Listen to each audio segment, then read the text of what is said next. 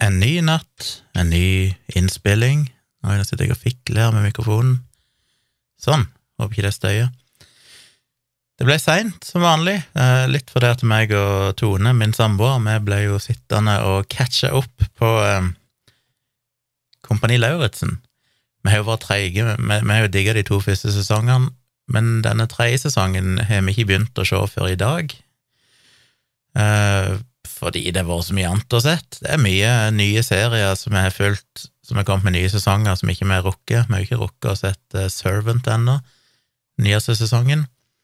Litt fordi forrige sesong var litt nedtur, så vi kanskje ikke var så ivrige, men jeg har jo egentlig lyst til å se hvordan det går videre, så det må vi nok få gjort. Så det er jo noen nye serier vi har lyst til å se, og det har vært mye å se, rett og slett. Så vi har binge-watcha, jeg vet ikke hvor mange episoder det var som er kommet så langt, men det var en del episoder. Så nå er vi up to date, så jeg tenkte det vil jeg gjøre før jeg spiller inn podkast. Og da ble det seint, og så måtte jeg ned her og begynte å kikke gjennom mail jeg har fått, og ting jeg tenkte jeg skulle snakke om, så tar det plutselig ganske mye tid å begynne å lese ting. En ting jeg virkelig savner, og jeg tar gjerne imot tips hvis noen av dere har det, det er en eh, plug-in til nettleser, da gjerne Chrome-kompatibel, fordi jeg bruker nettleseren Brave, som kjører på ja, som tar Chrome eh, extensions eller plugins. Og det er en sånn extension som gjør at du kan highlighte tekst på ei nettside. Fordi jeg gidder ikke å sitte og notere og notere og notere alt jeg skal si. Det tar altfor lang tid, for da begynner det, ja, det har jeg gjort før. Og det kan jeg bare ikke gjøre, jeg må bare winge det litt mer. Så jeg eh, leser gjennom en del artikler, opp en del faner, og så prøver jeg å improvisere litt her i podkasten. Men av og til så finner jeg ikke igjen et eller annet som jeg følte jeg husker at det var noe jeg burde sagt, og så finner jeg det ikke igjen mens jeg sitter og prøver å multitaske her og både snakke og lese samtidig. Og da savner jeg å ha liksom highlighta de linjene. Og jeg vet det fins mange plugins som gjør det, men alle krever stort sett at du, eller alle jeg har funnet så langt, krever at du registrerer en konto, sånn at dataen blir synka med en eller annen server og det skjønner jeg jo sikkert en lett måte å gjøre det på, fordi da neste gang du besøker nettsida, så sjekker vel pluginen om du har lagra noe på den tidligere, og henter det ned fra serveren, og kan da markere samme teksten på nytt. Men jeg ønsker egentlig ikke det. Eh, det er, for, det er liksom for mye. Jeg trenger ikke en egen konto til det. Det jeg ønsker, er egentlig bare en sånn midlertidig highlighting, noe som kan være på nettsida til jeg har stengt den ned, og så kan det bare forsvinne. Men alle er jo så fancy. Alle er sånn du kan highlighte, du kan finne det igjen seinere, du kan dele med andre, og folk kan samarbeide om å merke tekst og notere på nettsida og alt mulig, men jeg trenger ikke alt det. Jeg trenger bare en temporary highlighter, bare sånn at jeg kan markere en del linjer uavhengig av hverandre nedover i nettsida, som står der til jeg lukker nettleseren eller fanen, og så er det vekke. Så hvis noen har tips til en sånn highlighter, send meg en mail på tompratpodkast at gmail.com. setter jeg veldig pris på. Som sagt, skal ikke kreve noen eh, konto, skal være en enkel og lett highlighter. Alternativet er jo selvfølgelig å eksportere sider til Evernote eller et eller annet sånt først, og så highlighte det der, det går jo an, men det er jo sånn, eh, dette skal bare være midlertidig, jeg vil ikke ha masse søppel i i Evernote som jeg må drive og slette igjen etterpå, nettsider som jeg ikke har tenkt å spare på. Så jeg tar gjerne imot tips om det, men det er et uh, dilemma jeg har, så jeg må prøve å løse det på best mulig måte. Ellers så uh, gleder jeg meg veldig til i morgen kveld, eller i kveld når dere hører dette, kanskje, tirsdag kveld, 8. mars, kvinnedagen. Gratulerer til alle kvinner der ute. Sier en det på kvinnedagen? Gratulerer en kvinne? Vet ikke. Dere vet jo at jeg er motstander av å drive og gratulere folk med ting, bortsett fra på bursdagen, eller hvis de har prestert et eller annet, eller en eller annen spesiell Å gratulere folk med dagen på 1. mai, for eksempel, og for så vidt 17. mai òg, men det er verste av alt på 1. mai er så ubehagelig. Når folk kommer 'gratulerer med dagen', så vet jeg, da blir jeg sånn Det er som noen har kommet og sparka meg i ballene helt uten grunn.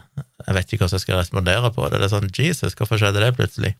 Hva skal jeg nå si? Jeg har ikke gjort noe for å fortjene dette. jeg har ikke gjort et fnugg for å fortjene å bli gratulert på 1. mai. Så jeg vet ikke. Ikke gjør det, folkens. Men eh, nå gratulerer jeg alle damer der ute med kvinnedagen, så er det gjort. Så får dere ta det som dere vil. Det kan jo ikke være som et ballespark. Um, men jeg gleder meg til hva det jeg skulle si, Apple-event i morgen, eller i kveld, teknisk sett. Det blir spennende. Jeg bestilte meg jo en uh, ny Macbook Pro M1 Max 16-tommer her tilbake i januar. Det var jævlig lang leveringstid, så den er fortsatt ikke levert. Eh, bestilte den som sagt i januar, og den skulle leveres i siste halvdel av mars. Så om ei uke eller to så kan det være han dukker opp. Og nå er jeg litt sånn panikk for at de skal lansere et eller annet i morgen, i kveld. I mellomtida sånn ja, nå kommer en ny Macbook Pro med M2-prosessoren. Så tenker jeg bare faen, teknisk sett så går det vel faktisk an å avbestille den før den er sendt, så uansett, det de lanserer i morgen er vel neppe kraftigere. Det er vel snakk om en eh, sannsynlighet for at de lanserer noen nye Mac-er med M2-prosessor, men at det da igjen, altså for de som ikke følger med, så har de jo først lansert disse nye M1-prosessorene, som først var litt sånn low end. Jeg har både en Macbook Air med M1-prosessor og en Mac Mini med M1-prosessor. Og de er jo fantastiske, de prosessorene, men de er jo fortsatt på en måte de dårligste av de nye prosessorene de har laga. Og så kom de jo her nå i høst med, eller ikke så lenge før jul, vel, jeg husker ikke helt, så kom de jo med disse M1 Pro og M1 Max, som på en måte var de oppskalerte, litt kraftigere, profesjonelle versjonene. Og det er det jeg nå har bestilt, en Macbook Pro med en M1 Max-prosessor, som er blant annet vesentlig Ja, de er jo både mye, mye raskere, men òg mye bedre grafikkhastighet enn de vanlige M1-ene. Så når jeg får den, så tenker jeg å selge under både Macbook Airen og Mac Minien, for da trenger jeg egentlig ikke de lenger, da erstatter den nye de to maskinene. Men så er det jo snakk om at de da kommer med en M2-prosessor, så blir det en ny versjon igjen. Men da kommer nok mest sannsynlig den der low-end-versjonen av den òg først, som da sannsynligvis er treigere enn M1 Pro og M1 Max, selv om man sannsynligvis er raskere enn M1. Og så kanskje til høsten så kommer de med noe M2 Pro og M2 Max eller noe sånt, det vet vi jo ikke. Men jeg håper den maskinen jeg har kjøpt, eh, fortsatt er best in class, iallfall til høsten. Ellers så føler jeg meg litt snytt. De må ikke lansere ting for fort, det, da rekker en ikke å bestille noe før en begynner å angre på det. Og så er jeg spent på hva som kommer, det går store rykter om at de kommer til å lansere en slags sånn Uh, altså, Apple har jo en maskin som heter Mac Pro, som er top of the line, steindyr. Sånn, du må opp i 150 000 og sånn for å kjøpe den, men mange kjøper det hvis de trenger en virkelig kraftig maskin til å jobbe med tung grafikk eller kalkuleringer, et eller annet. Eh, ikke vanlige folk, stort sett, men bedrifter og sånn kan Det er jo noen galninger, selvfølgelig, som kjøper det privat òg. Så kom de jo òg med en sinnssykt dyr skjerm, som jo kosta Hva den kosta? 50 60 70 000, et eller annet sånt, for et par år siden her. Eller ti flyger. Hvor lenge er det siden? To? Tre år siden? Nei, jeg husker ikke. Men det ryktes at de kommer med noe sånn litt billigere, en sånn medium Mac Pro, eh, en Mac Medium, som eh, sikkert skal være en del billigere, men fortsatt veldig, veldig mye kraftigere enn det de har på markedet så langt og muligens òg en skjerm, og det er det jo mange som har savna, for Apple har ikke laga skjermer nå på veldig lang tid. Tidligere så hadde Apple sine egne standalone-skjermer, men det begynner å bli mange år siden de faser ut de. Eh, og Apple lager veldig gode skjermer. Hvis du kjøper en iMac, som jo er si, en stor skjerm med en datamaskin i, så er det veldig, veldig gode skjermer. Det glemmer ofte folk når de sammenligner det med andre maskiner og sier å, du kan jo bygge en Windows-PC til samme det er mye kraftigere til samme prisen, og så glemmer de at ja, men du må jo ha en skjerm, og den skjermen som er i en iMac, er ikke en billig skjerm, det er en veldig, veldig god skjerm. Men en standalone-skjerm, bare en dum skjerm, har de ikke hatt på mange år, og det er det mange som har savna, altså bortsett fra den der XDR-skjermen som de lanserte for et par år siden, som var så steikedyr, som er sånn skikkelig pro, pro, pro. Men et eller annet mer øh, uh, for vanlige folk, vanlige dødelige. Blir sikkert ikke en billig skjerm, det heller. De pleier å være dyre, de Apple-skjermene, så det vil sikkert fort koste 15 000-20 000 eller noe sånt. Men men det er kvalitet. Det er ikke noe jeg trenger. Jeg har to gode skjermer fra før, men det er veldig mange som etterlyser det, så det går rykter om at de kommer til nå faktisk og lansere det i morgen. Vi får se. Så blir det kanskje en oppdatert iPad eller to, og muligens en ny Macbook Air som skal være litt oppgradert, muligens med M2-prosessor og sånn, så spennende. Og så har de jo en del ting de jobber med, noe sånn uh, ja, art, nei, uh, hva heter det? Augmented reality, AR-briller som det ryktes at Apple jobber med lenge, og muligens nå er ferdige. Det betyr ikke nødvendigvis at de kommer til å lansere de nå, men før eller seinere så kommer kanskje de òg, og de er jeg òg spent på. Nå har de jo denne eventen nå i morgen, eller i kveld, teknisk sett, og så kommer jo denne store eventen, WWDC, som pleier å være i juni. Og det er liksom den største eventen på mange måter, men den er jo mer retta mot software, så da presenterer de ny IOS og iPadOS og MacOS, men av og til presenterer de hardware på den òg. Og så er det jo da til høsten, i september som regel, så kommer jo den store iPhone-eventen der de lanserer den nye iPhonen og sånn. Og så er det av og til en liten event i oktober eller november òg. Så før var det egentlig én event om året, det var liksom VVDC, mens nå har det plutselig blitt fire.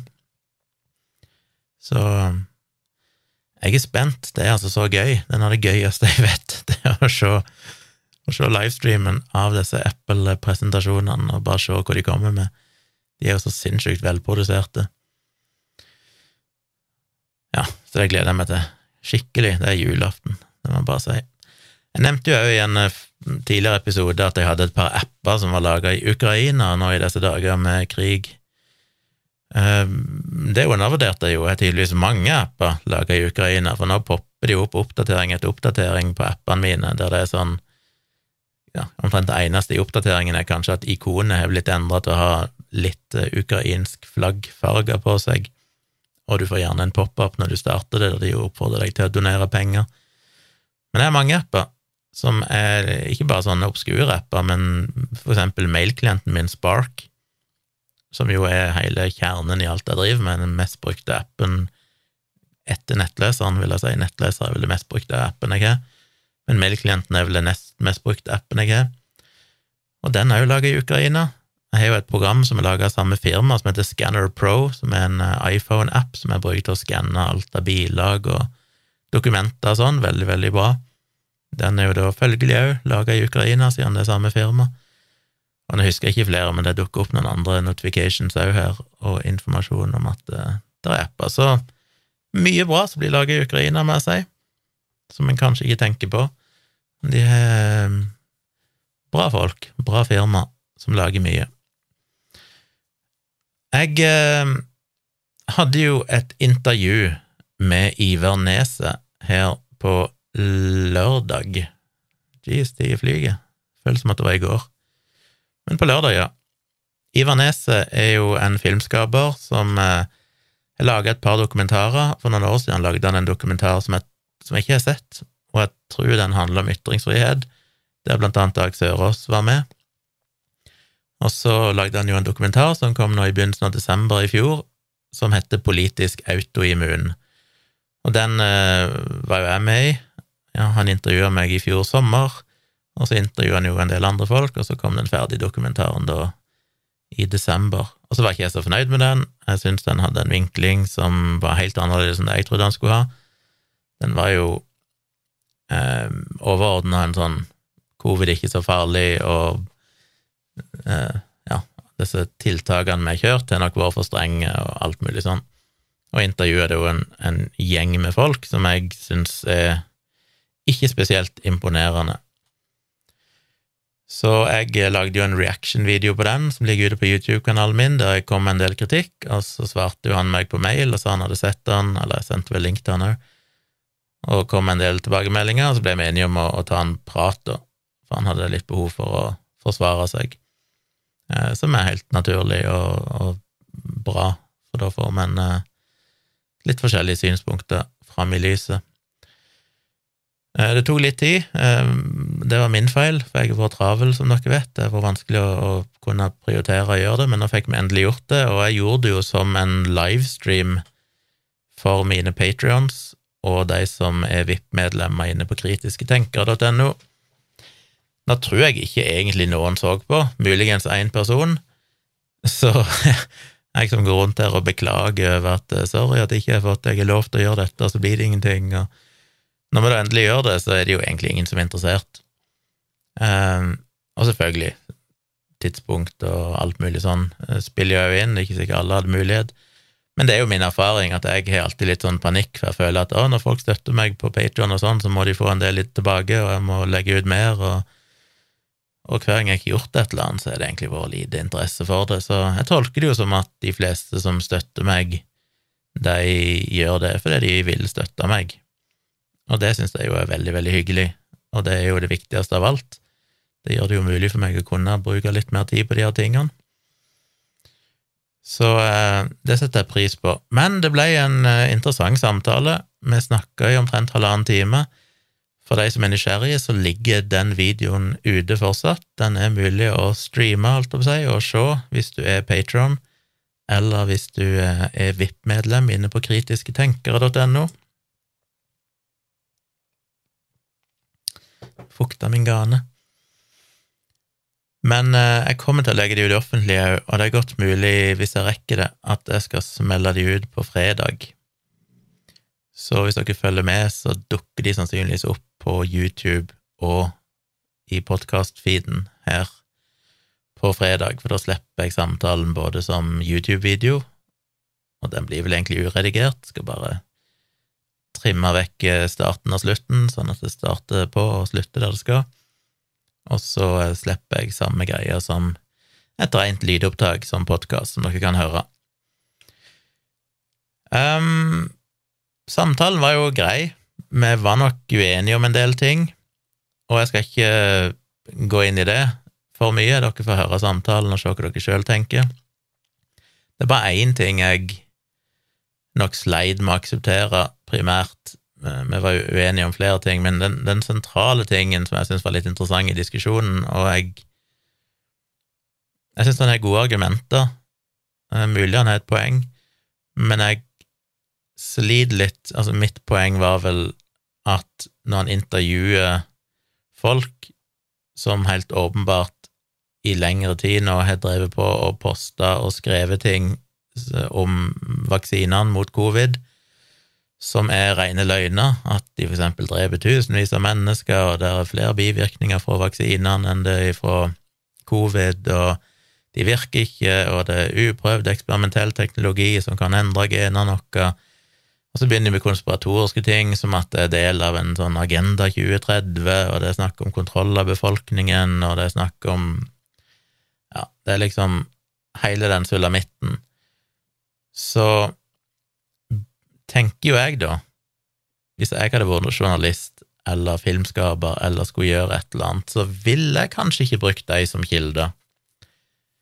Um, hans forsvar er jo at ja, men de uttaler seg ikke om vaksiner i dokumentaren, der uttaler de seg kun om smitteverntiltak, og han syns de har interessante perspektiver på det.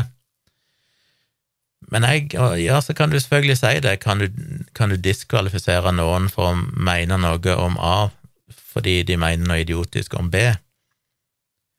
Og det kommer jo litt an på, tenker jeg.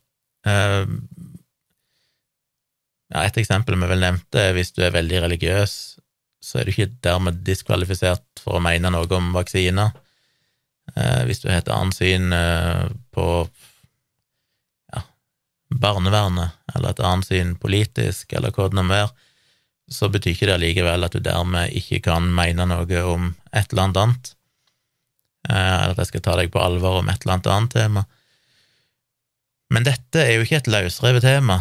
Dette er jo folk Altså, vaksiner er jo så tett knytta opp mot dette med smitteverntiltak, for begge deler handler jo om en sånn motstand mot myndighetene og tiltak og eliten og og generelt sett òg da vitenskap og forskning.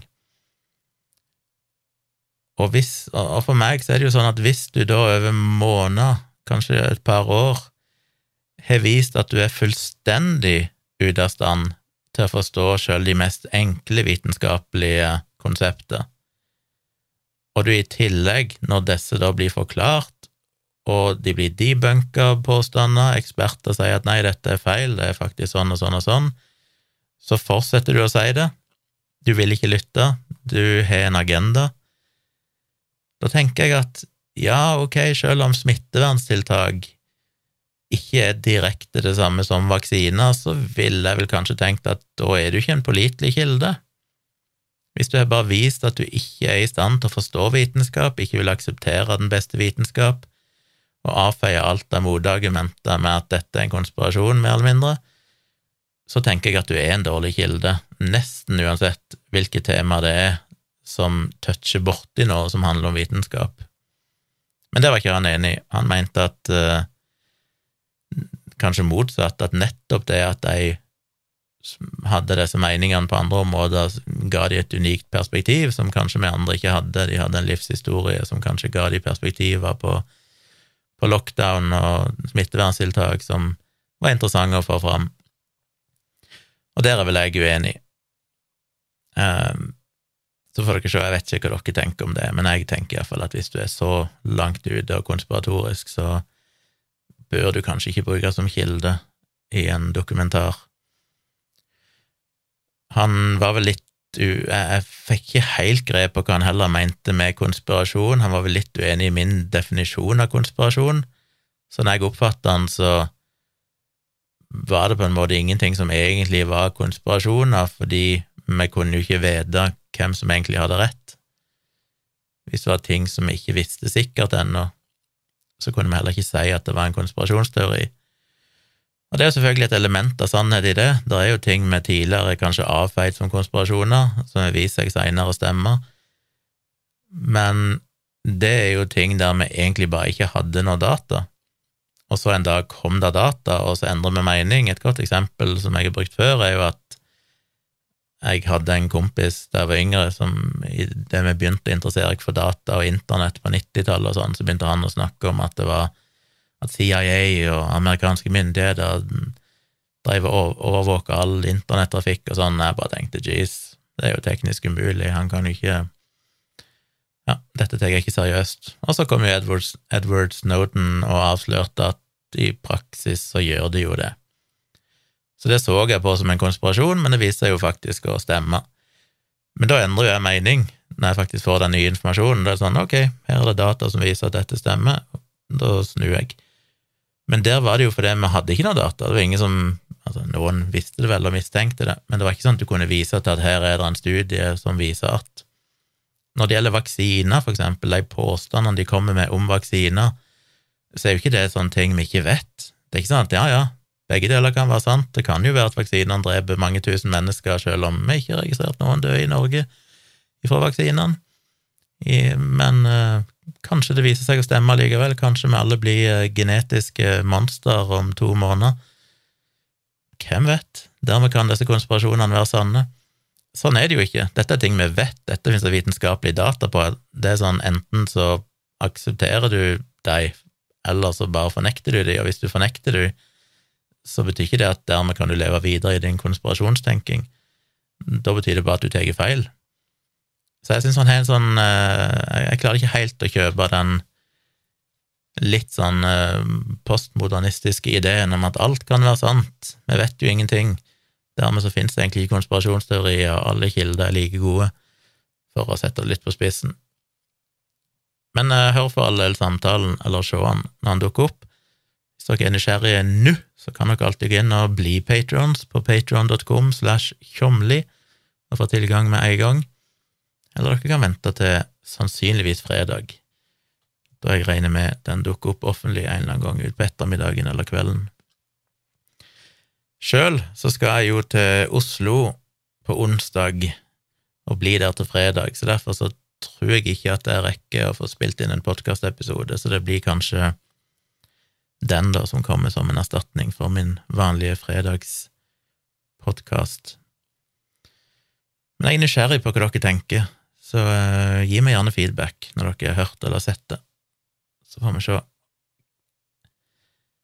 Jeg har lyst til å ha en uh, liten oppfølging av den uh, ikke-heterofile versus heterofile saken jeg hadde i, var kanskje i forrige episode. Jeg fikk jo blant annet Jeg har fått et par innspill, uh, og den ene, kort og grei, var fra Erik inne på Patron, som skrev i kommentarfeltet der når det gjelder ikke-heterofiles helse, kan barnløshet, kan barnløshet spille en rolle. Færre homofile, lesbiske osv. har barn, er derfor kanskje mer tilbøyelig til å drikke alkohol og feste mer, ha i gåsehud dårlig døgnrytme og lignende. Og Det er jo et interessant eh, perspektiv. Nå er det vel sånn at eh, studier generelt sett, som jeg òg snakket om i tidligere podkast, viser at det å være barnløs i seg sjøl ikke gjør deg mer ulykkelig. Det er ikke noen sammenheng mellom det å få barn og det å føle seg lykkelig eller ha et rikt liv, viser ganske mye forskning.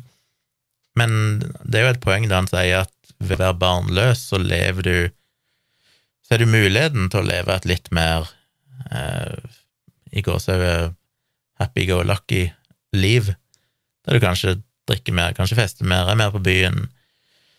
Og det påvirker kanskje flere ting, både livskvalitet, Kanskje det påvirker økonomi, andre ting.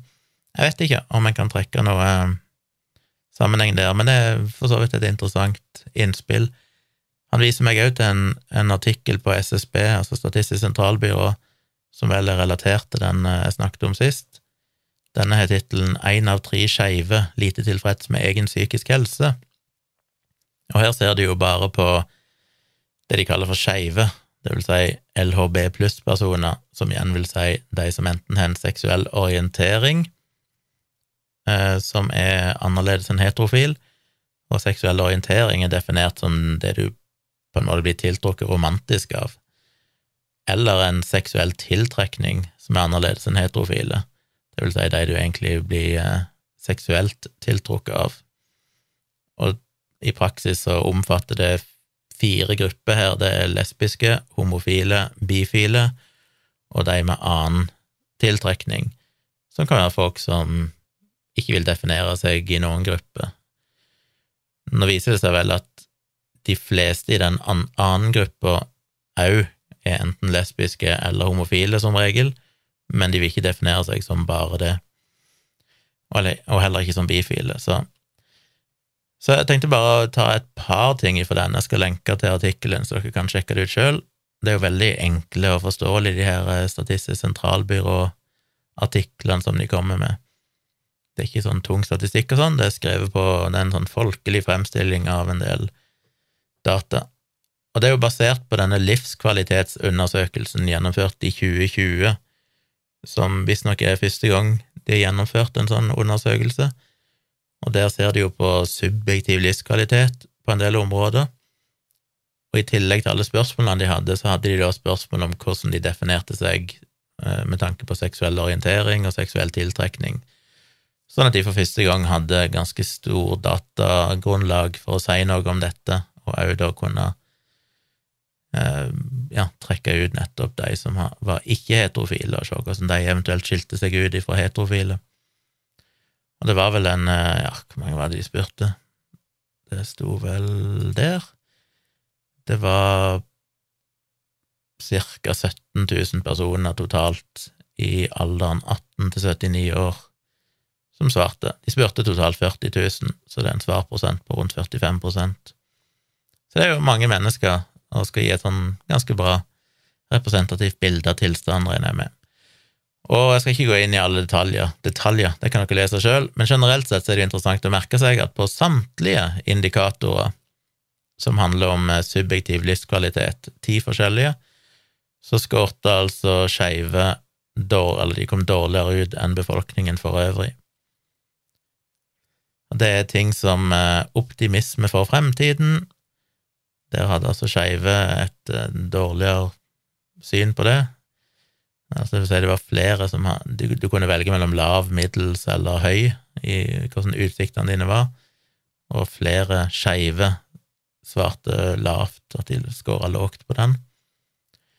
Eh, det handler om å oppleve mening med livet, oppleve engasjement, oppleve mestring, oppleve å ha givende sosiale relasjoner, tilfredshet med fysisk helse, tilfredshet med psykisk helse, tilfredshet med bostedet, tilfredshet med fritiden til rådighet og tilfredshet med økonomisk situasjon.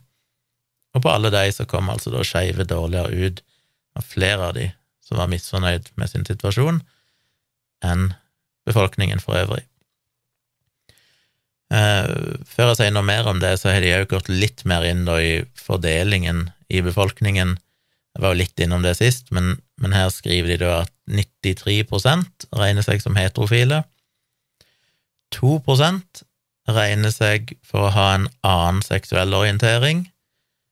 2% er bifile, og så er 1% homofile eller lesbiske. Så 1, 2, 3, 4, 5, 6 Ja, du må runde av litt her et eller annet sted.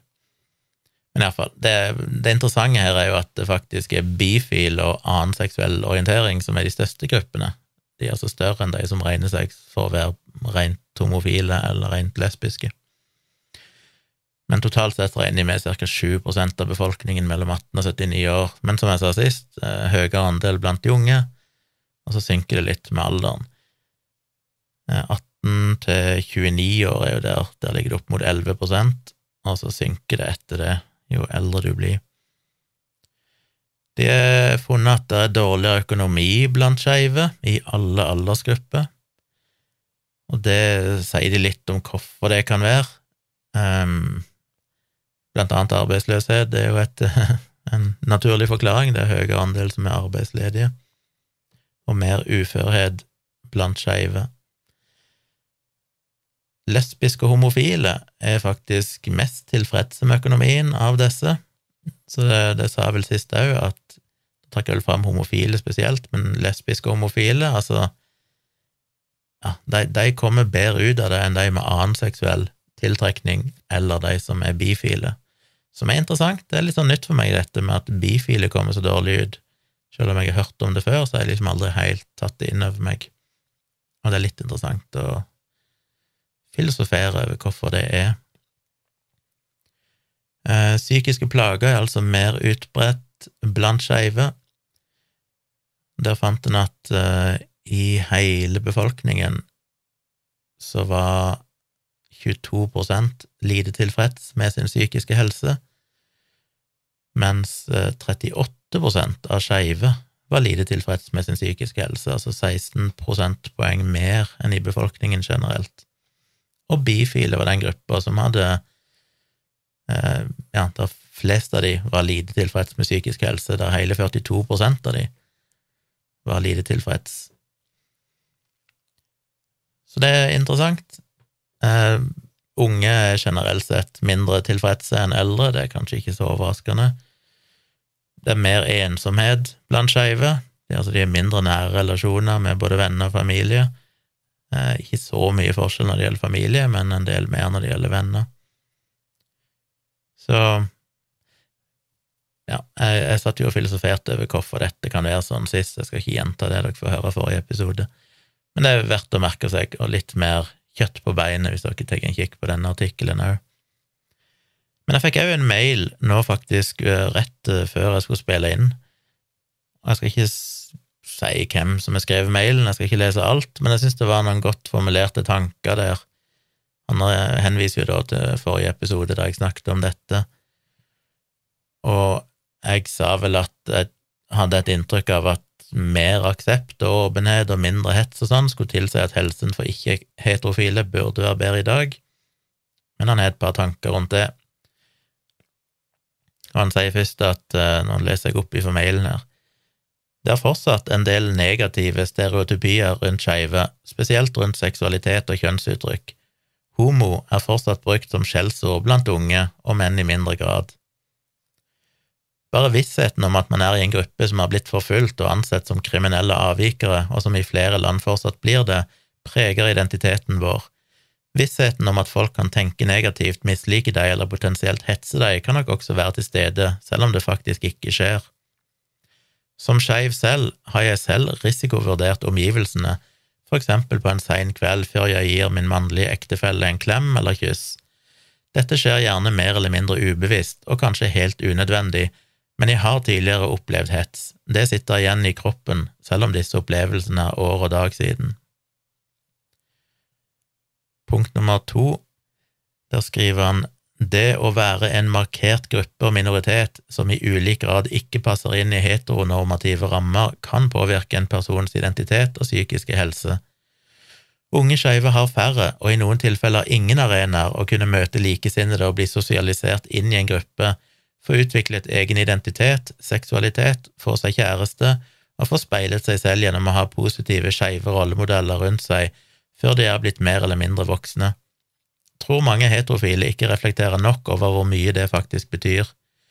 Kompiser, foreldre, eldre søsken, skole, fritidsaktiviteter og samfunnet generelt er bygget under forventningen om at du lever opp til det biologiske kjønnet du er født som, og at du tiltrekkes det motsatte kjønn frem til det motsatte er bevist. Så avslutter han med Jeg tror vi har et stykke igjen å gå før vi kan si at ikke-heterofile har tilnærmet de samme rammene for å utvikle en god mental helse og gjerne fysisk helse som heterofile. Um, ja, så henviser han òg til Erik eh, sin kommentar om rus, at det kan være en faktor. Så skriver han òg rus, partnervold og overgrep kan nok også være en del av problematikken. Så ja, jeg synes det var godt formulert, og jeg må jo innrømme at jeg har kanskje ikke Det som kanskje traff meg mest, var jo dette her med at unge skeive har færre, og i noen tilfeller ingen arena, å kunne møte likesinnede og bli sosialisert inn i ei gruppe, få utvikla egen identitet, seksualitet, få seg kjæreste og få speila seg sjøl gjennom positive, skeive rollemodeller. Det meste der med å ikke ha en arena og bli sosialisert inn i ei gruppe på, har jeg vel kanskje ikke tenkt så mye på. For jeg tenker på når jeg klarte jeg begynner å bli en gammel mann, og det var andre tider før, men det er nok mye av det fortsatt, at hvis du henger på ungdomsklubben, eller du er mm, involvert i idrett, eller andre ting, så er det nok så er det, jo, så er det jo fortsatt en sånn veldig heteronormativ ramme rundt alt. Det er som gutter og jenter som skal flørte, bli forelska og klinedanser på siste sang på diskoteket, og det er liksom mye sånn. Og det er klart, eh, er du da homofil eller lesbisk, eller føler du ikke passer inn i akkurat det, så forsvinner det veldig mange år. Nå kjenner jeg jo, holdt jeg på å si, uten sammenligning for øvrig, jeg kjenner meg jo nesten litt igjen i det, for jeg òg var jo en sånn person som av helt andre årsaker, av dyp sjenanse og, og sånn, òg eh, følte at jeg aldri fikk eh, tatt del i den der ungdomstida. Jeg hadde jo aldri noen kjæreste, jeg uh, kysset aldri noen, jeg gjorde ingenting fordi at jeg ikke turte, jeg traff jo aldri jenter og alt det der. Og ikke at det blir det samme, for jeg, jeg følte jo ikke Jeg hadde ikke den der Det blir en helt annen følelse som, som ligger bak. Men allikevel så føler jeg òg at det har påvirka meg som voksen. Det, jeg liksom følte at jeg har gått glipp av noe. Jeg skulle ønske Det var en av grunnene til at eh, jeg aldri har sett den serien Euphoria, og heller aldri så Skam. Fordi jeg for, jeg, For meg så er det ubehagelig. Jeg, når jeg ser liksom den der ungdomslivet der de er på fest og kliner og utforsker sex for første gang, og For meg er det litt sånn sårt, rett og slett, for det er det sånn Jeg gjorde aldri dette. Jeg var altfor sjenert, jeg turte aldri. Eh, jeg satt eh, med datamaskinen min på gutterommet, og eh, jeg får litt vondt av å se den type ting. Det bare føles som at jeg er klippa veldig mye. Så det, det påvirker en jo, uansett hva som skulle være bakgrunnen. Det er jo en digresjon, men uansett. Jeg, jeg, skjønner nok litt hva han sier her, og jeg syns det var godt formulert, så jeg tenkte jeg skulle iallfall lese det opp. Og han er nok rett i at kanskje vi heterofile i for, stor, i for liten grad skjønner hvor mye forskjeller det fortsatt er, at det føles som at ja, ja, ja, men nå er jo homofili og lesbisk akseptert, og ikke så veldig ofte folk blir slått ned på gata for å være homofil lenger, og sånn. Og så glemmer vi at eh, det er ikke bare det det handler om, det handler ikke bare om hets og trakassering, men det handler jo bare om den der fundamentale manglende tilhørigheten, eller manglende rammeverket, der du bare ikke passer inn i alt, eh, alt det du ser.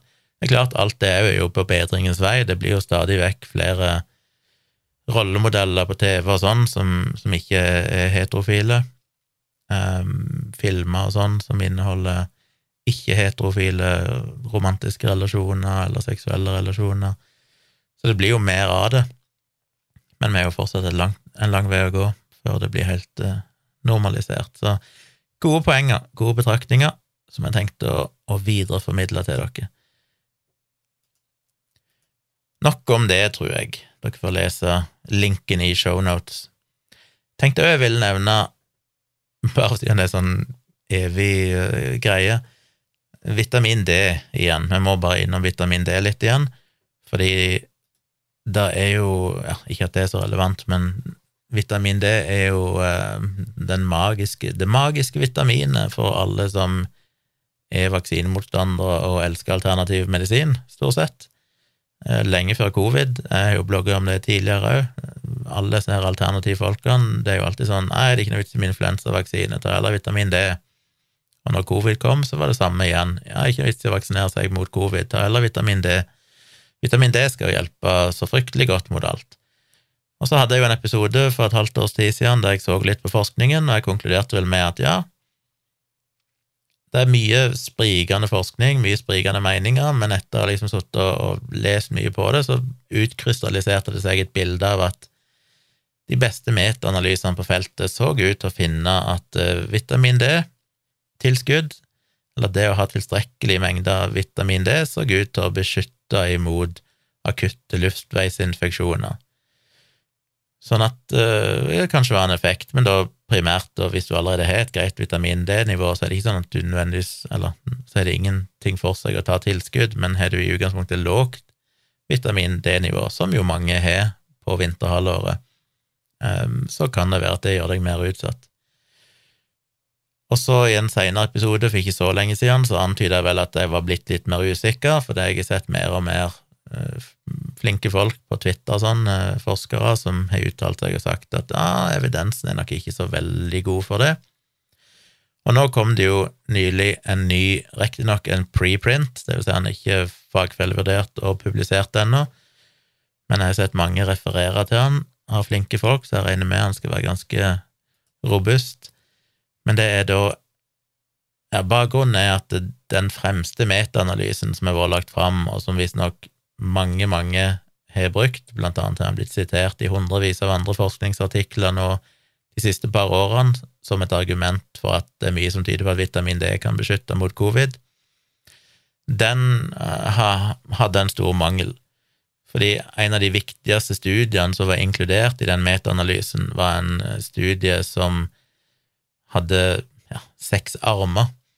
Det vil si at det er egentlig seks forskjellige forsøk, for å si det sånn, da, i samme studien der bare data fra to av de var inkludert, og de fire andre har aldri blitt tatt med. Og den analysen, den statistiske analysen som ble kjørt på de to gruppene, tok utgangspunkt, hvis jeg skjønte dette riktig, tok utgangspunkt i at du kunne analysere de uavhengig av de fire andre, som disse forskerne mener er feil, du er nødt til å se alle i sammenheng. Så når de da eh, reanalyserte disse dataene basert på den nye statistiske analysen, og i tillegg tok med de fire andre som ikke er blitt publisert før, så forsvinner visst hele effekten av vitamin D i denne store metaanalysen.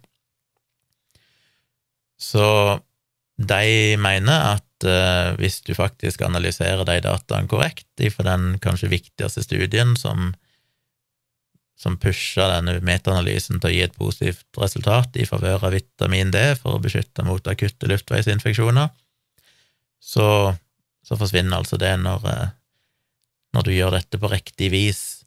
Så det er jo interessant, og det gjør meg jo enda mer da usikker og tenker at ja, kanskje det ikke er så mye i dette likevel. Det ser nok ut til at evidensen for at vitamin D nødvendigvis beskytter mot luftveisinfeksjoner, ikke er spesielt sterk allikevel, og kanskje ikke eksisterende.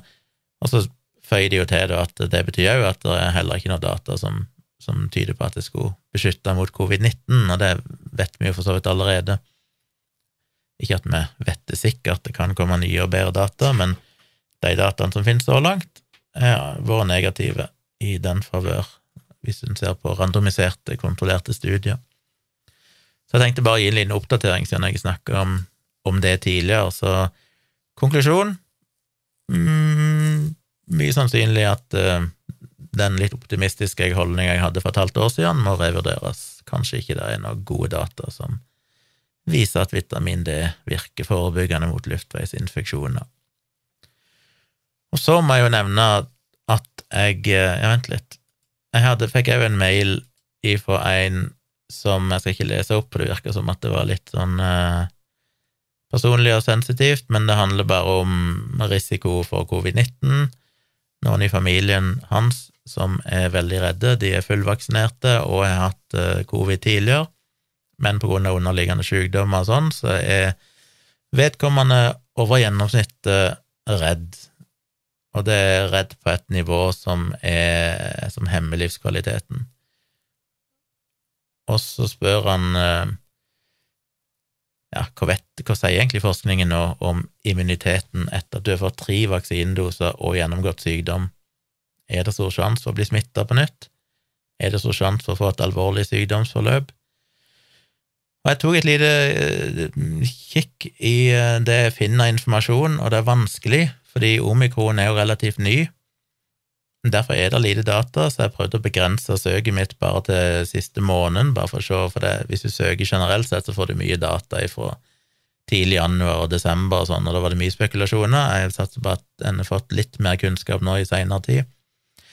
Men det er fortsatt usikkert. Det alt, alle ser ut til å være enige om, er at eh, beskyttelsen eh, mot omikron hvis du har hatt alfa eller delta eller en av de tidligere variantene, er nesten ikke-eksisterende etter noen måneder.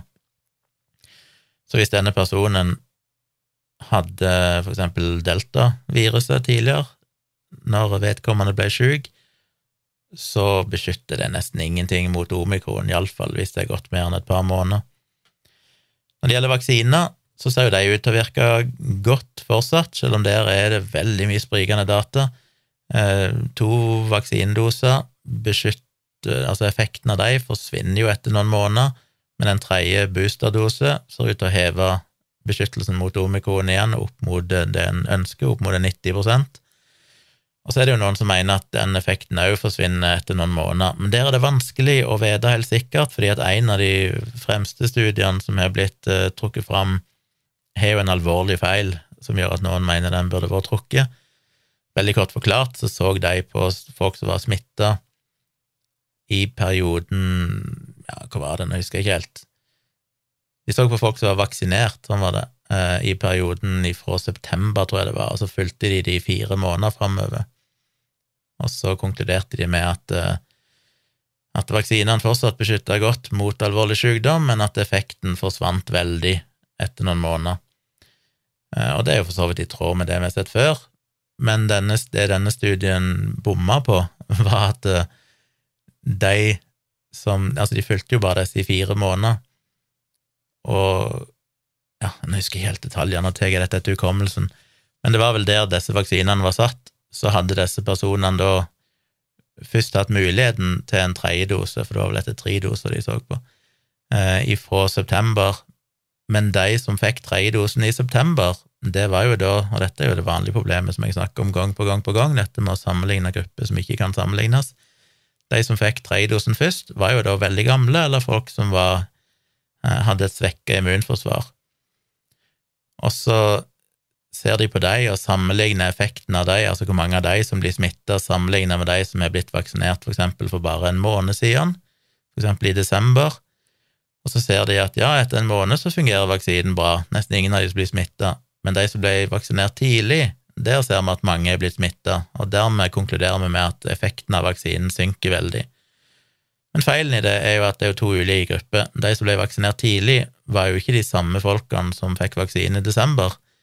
De som fikk den i desember, var mer folk som meg og deg, men de som fikk den i september, de var jo da sannsynligvis hadde svekka immunforsvar og var veldig, eh, ja, generelt sett hadde mye mindre effekt av vaksinen. Så Derfor får de da en, en falsk, eh, et falskt bilde av at effekten av vaksinen synker veldig.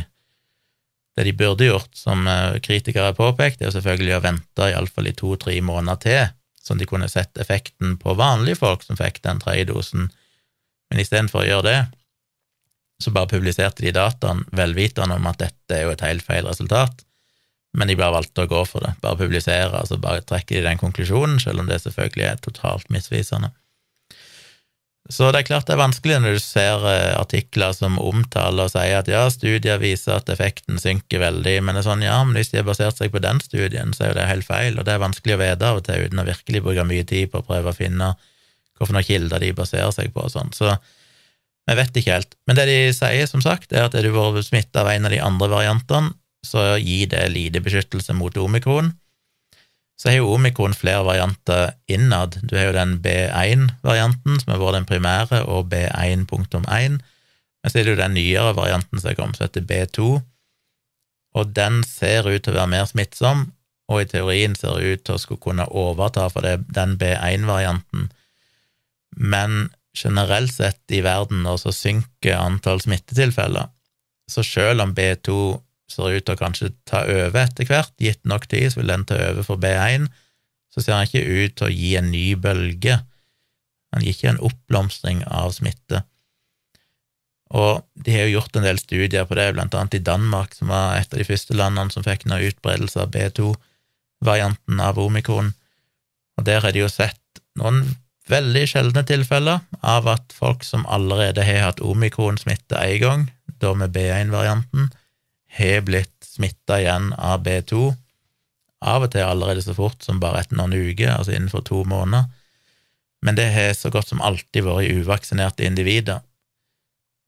Så, og igjen, eh, mye grumsete data her, men det bildet jeg sitter igjen med etter å ha lest ganske mye om det, er at for det første, vi vet ikke sikkert ennå, men det er ganske bred enighet om at hvis du har tre doser, så gir det fortsatt veldig god beskyttelse mot smitte, og de finner så godt som ingen tilfeller av alvorlig sykdom hos folk som har ja, til og med bare to doser, men iallfall tre, og de som har vært smitta tidligere av omikron-varianten, og eventuelt skulle få en ny omikron-smitte.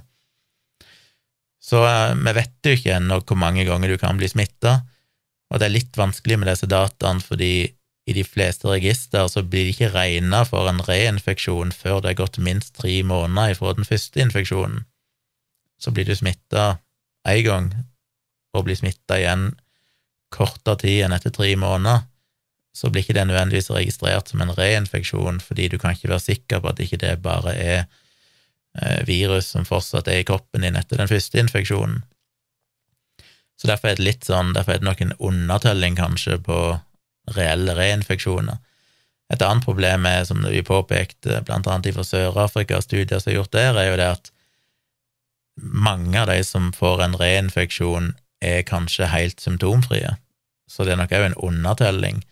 Så det er, nok, det er nok muligens høyere risiko for å bli smitta på nytt enn det de har gått ut med, eller det de har sett i dataen fordi veldig mange av de blir ikke registrert fordi de rett og slett er symptomfrie. De får en så mild sykdom at de egentlig ikke merker noe til det.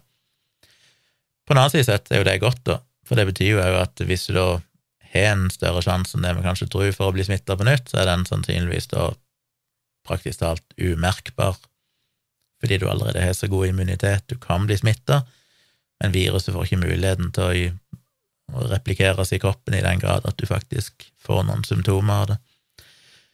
Så svaret mitt til han eh, som har sendt meg mail, er jo at vi vet jo ikke sikkert ennå, og risikoen er ikke null, men alle data så langt peker på at det er uhyre sjelden at folk blir smitta igjen hvis de har hatt omikron. Eh, det skjer, men det er sjeldent, og iallfall veldig sjeldent at de blir noe særlig syke av det. Har du derimot vært smitta av en tidligere variant, så er det høy risiko for å bli smitta av omikron, fordi immuniteten stort sett forsvinner etter noen måneder. Men har du tre vaksinedoser, så ser de ut til å beskytte godt fortsatt mot uh, smitte. Vi vet ikke hvor lenge ennå, for det er relativt nytt fortsatt at uh, de fleste har fått tre doser. Men uh, vi ser ut til å beskytte relativt godt, og iallfall mot alvorlig sykdom. Men risikoen er jo ikke null. Vi vet jo aldri sikkert, men så vidt jeg har skjønt, så er det nesten ingen tilfeller av at folk er blitt alvorlig syke eh, etter at de enten har tre vaksinedoser eller har et par doser pluss en tidligere eh, smitte. Så jeg vil nok kunne betrygge han som sendte mail, og si at det er nok neppe noe å bekymre seg over. Det er nok en, en viss sjanse for å bli smitta, men eh, veldig liten sjanse for å bli alvorlig syk. Og jeg har jo blitt litt sånn betrygga av at ganske mange gamle folk jeg vet om nå, har jo hatt omikron, inklusiv mine foreldre. Min far, som jo er 82 år gammel øyeblikk, og ikke er verdens beste helse. Han er oppegående og frisk og sånn, for så vidt, men han har slitt litt med noen andre ting som han har måttet fått litt behandling for og sånn, og, og begynner jo å skrante litt. Han er en gammel mann. Han fikk jo òg sannsynligvis omikron-varianten for uh, et par uker siden, og eh, merka ikke veldig mye til det. Ble litt dårlig, og det sitter i ganske lenge, litt sånn i bihulene og sånn, sier de, men, men ikke så mye. Ironisk nok så har jo noen av mine andre familiemedlemmer som er fortsatt i barneskolealder, fått det, og de har jo fått det mye hardere, men de har jo da enten null eller bare én vaksinedose innabords. Dattera mi fikk det, hun er jo én vaksine innabords, og så fikk hun det. Hun òg ble jo nesten ikke syk i det hele tatt, hun var hjemme noen dager, hun fikk ikke feber engang, tror jeg, ble bare litt tett i nesa og litt snufsete, men ikke noe vondt i halsen eller noen ting, så det varierer jo veldig. Men det er jo interessant å se at mange av de unge får det litt hardere, blant annet med mye oppkast og sånne ting, um, enn min 82 år gamle far, men han er jo trippelvaksinert. Så det er jo et godt tegn på at vaksinene definitivt ser ut til å beskytte veldig godt mot uh, alvorlig sykdom. Så det var det lange svaret på uh, et uh, kort spørsmål. Så var det én sak til til slutt, kom jeg på som jeg hadde glemt å notere, men jeg fikk bare en mail, så jeg bare tenkte jeg skulle nevne den. Det var en som sendte meg en link og lurte på om dette kunne være interessant for meg. Eh, det er en sak på rett24.no som er litt interessant. Det er altså en småbarnsfamilie som gikk ut i 2018. Da ble det lagt ut en bolig for salg, og så kjøpte denne familien dette huset. Eh, salget ble gjennomført først i 2019. Det de ikke visste, var at da denne boligen ble lagt ut for salg i 2018, så var naboen til selgeren sikta, men fortsatt ikke dømt, for seksuelle overgrep mot sine to stedøtre. Og i mellomtida mellom boligen ble lagt ut til salg og salget ble gjennomført, så ble han òg dømt til ett år og to måneder i fengsel for framstilling og besittelse av overgrepsmateriale, samt seksuelt krenkende og uanstendig atferd overfor sine stedøtre. Og så fikk kjøperen vite det, og de har sjøl to små døtre, og de valgte derfor å heve kjøpet, og dermed måtte boligen legges ut på nytt, og da han ble solgt for andre gang, så var prisen betydelig lavere, og dermed så ble kjøperen dømt til å erstatte det tapet som selgeren hadde, som var en million kroner cirka. Og dette er jo da blitt en sak, og det viser seg nå at etter det var litt fram og tilbake, så skal det faktisk opp i Høyesterett for å prøve å avgjøre det. Og det er vanskelig, som de sier, for det er jo det er jo mange parters interesser som skal ivaretas her. Det er jo spørsmål om dette med opplysningsplikt, i hvilken grad har selgeren en opplysningsplikt om eventuelle problematiske naboer eller kriminelle naboer.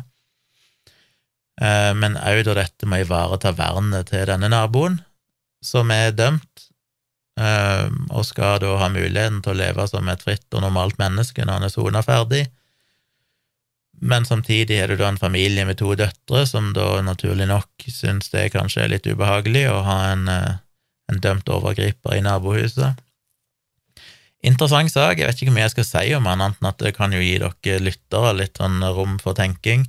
Det er klart, jeg har jo gått hardt ut mot dette nabovarslingsgreiene og sånn, og jeg, jeg, i prinsippet så havner jeg på den ideen om at Eller den eh, Det prinsippet om at vi er nødt å behandle dømte personer, uansett hva de har gjort, når de er ferdig sona, som likemenn, som jo er prinsippet i, i hele ja, rettsvesenet vårt fordi det faktisk vil redusere risikoen for at de skal forgripe seg på nytt.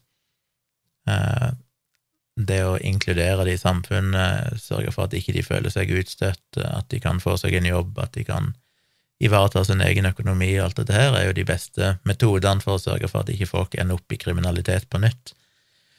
Men jeg ser jo selvfølgelig dilemmaet. Hvis du flytter inn med to små døtre, så er du kanskje usikker. Jeg vil jo si at i realiteten så hadde jeg nok slitt med å se at det var veldig sannsynlig, spesielt fordi Altså, det, baserer seg jo på en sånn myte da, om at en person som har forgrepet seg på mindreårige, er en slags sånn rovdyr som snuser rundt i buskene og prøver å kidnappe barn og ta dem.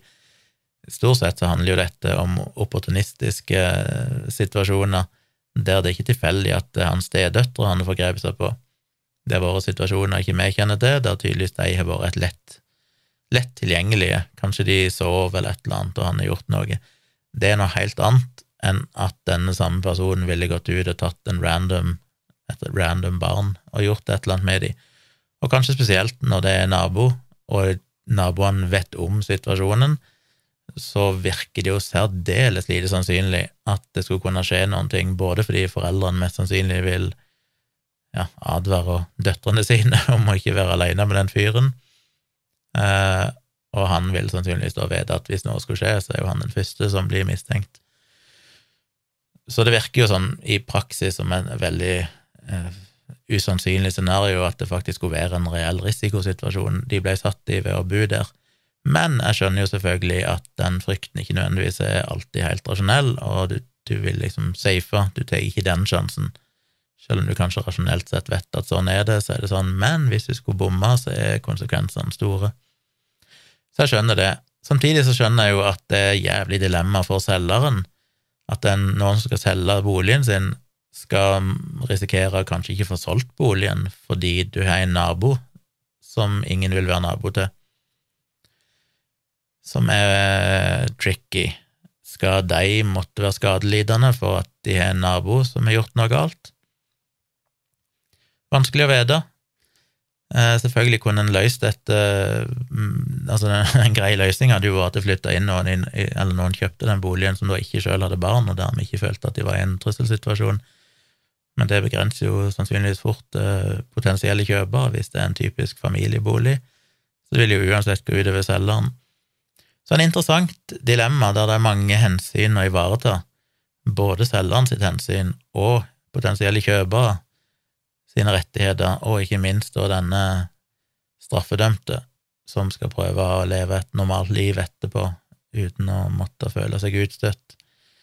Så det blir interessant å se. Eh, du som mailer meg, Anders, eh, hvis du følger med på dette, send meg gjerne mail hvis det ender opp med å komme en høyesterettsdom på dette, eller noe mer interessante skriverier rundt det.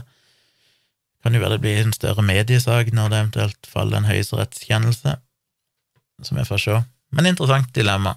Dere kan jo tygge litt på det, hvis dere har noen tanker om det, så er det lov å maile meg. Det tror jeg var alle de tingene. Så det siste jeg skulle bare nevne, var at jeg faktisk har blogga igjen smalt ut en bloggpost der på søndagen som handler om eh, den godeste steigan.no. Eh, jeg gidder ikke dra fram bloggposten her for meg, jeg husker vel hva den handler om. Men det var jo basert på noe som sikkert en del av dere har sett. Det er jo versert noen sånne rykter om at uh, hemmeligholdte Pfizer-dokumenter viser at vaksinen fører til tusenvis av forskjellige bivirkninger som er registrert av Pfizer sjøl. Og igjen, Altså, folk som er vitenskapelig inkompetente, elsker jo når det er noe som lukter av en lekkasje eller hemmelighetsholdelse, eller at de kan vise at ja, men dette er jo ikke konspirasjon, eller dette er jo ikke løgn, for dette er jo data ifra Pfizer sjøl, og så lenker de til Pfizers egne dokumenter som viser det. Og poenget er at det er jo da en sånn risikovurdering som er gjort av Pfizer, der de har sett på data ifra både sine egne godkjenningsstudier og masse forskning som er gjort etter at vaksinene ble tatt i bruk fra 1.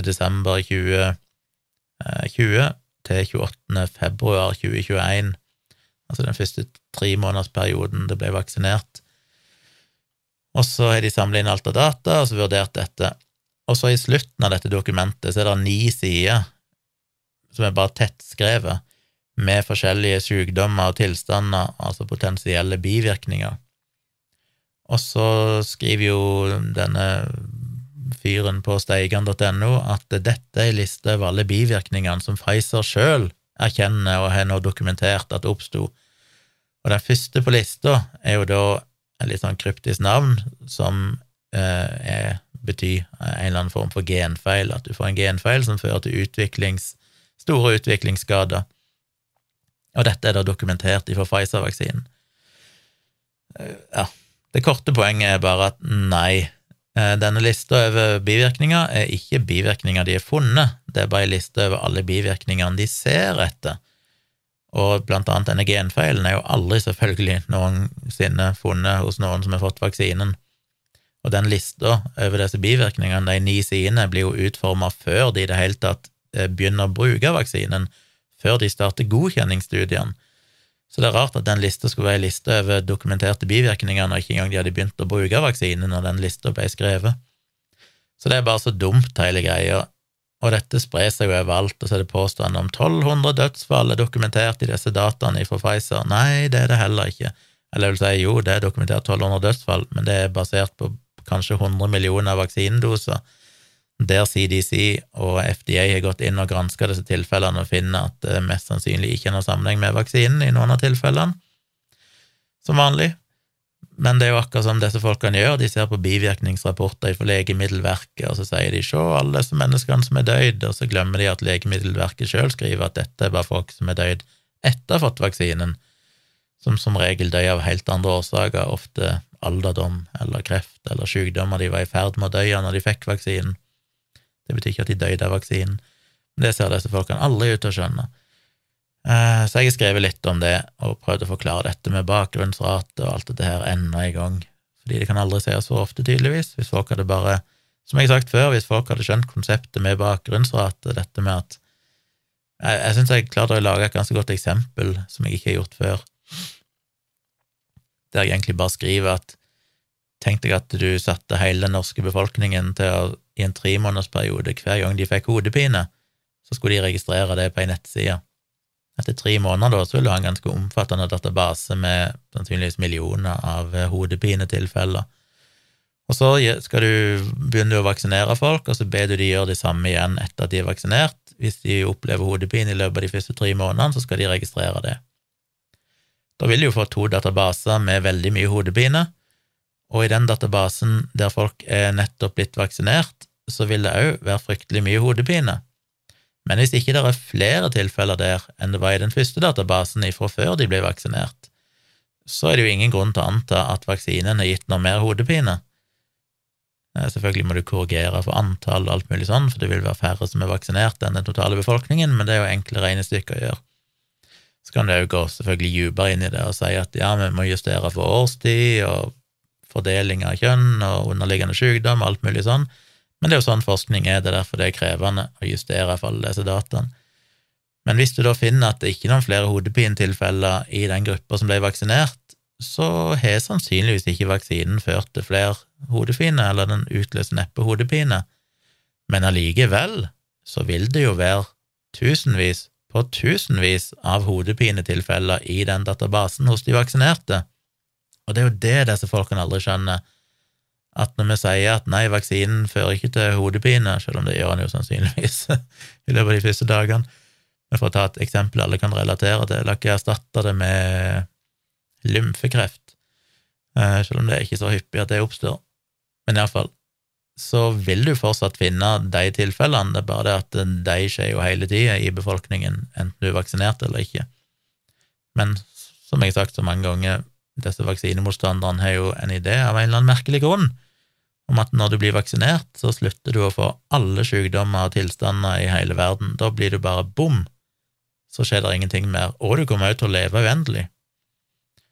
Så hvis du skulle dø i løpet av de neste dagene, eller hvis du skulle få hodepine, eller hvis du skulle få kreft, så må det være vaksinen, fordi ingen annen forklaring finnes, fordi alle slutter jo å få disse sykdommene etter de er vaksinert.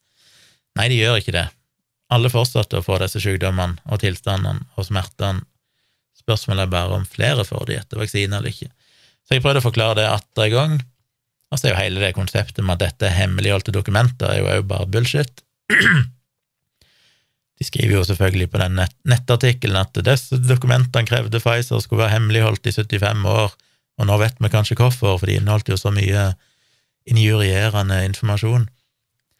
I realiteten så er jo aldri Pfizer bedt om det, det er bare det at eh, det er snakk om 329 000 sider med data, og før de kan frigis, så må de sensureres, for i de sidene så er det jo blant annet masse pasientinformasjon for folk som har deltatt i studiene, der det kan stå navn og alt mulig rart, og sykdommer de har, og, og ting som selvfølgelig ikke skal ut i offentligheten, på lik linje med annen helseinformasjon.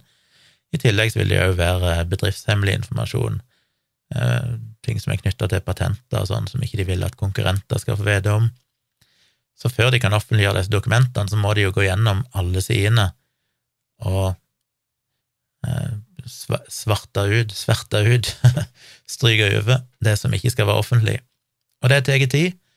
FDA sa jo at de ba kapasitet til å produsere eller prosessere 500 sider per måned, fordi det er jo ikke bare disse dataene de skal drive og og rydde opp i. De skal jo gjøre det med alt annet av forskning og, og sånt som skal publiseres, og de har begrensa med kapasitet. De har noen få folk de kan sette til denne jobben. Så de klarte bare 500 sider i måneden.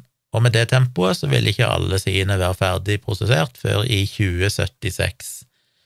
Men det er jo 55 år fram i tid, ikke 75 år fram i tid. Så det er jo sånn typisk eksempel på at Steigan bare husker at det er et eller annet med 75 cirka, så tror de at det er 75 år fram i tid, de blander jo det med årstallet 2076, som er 55 år fram fra 2021.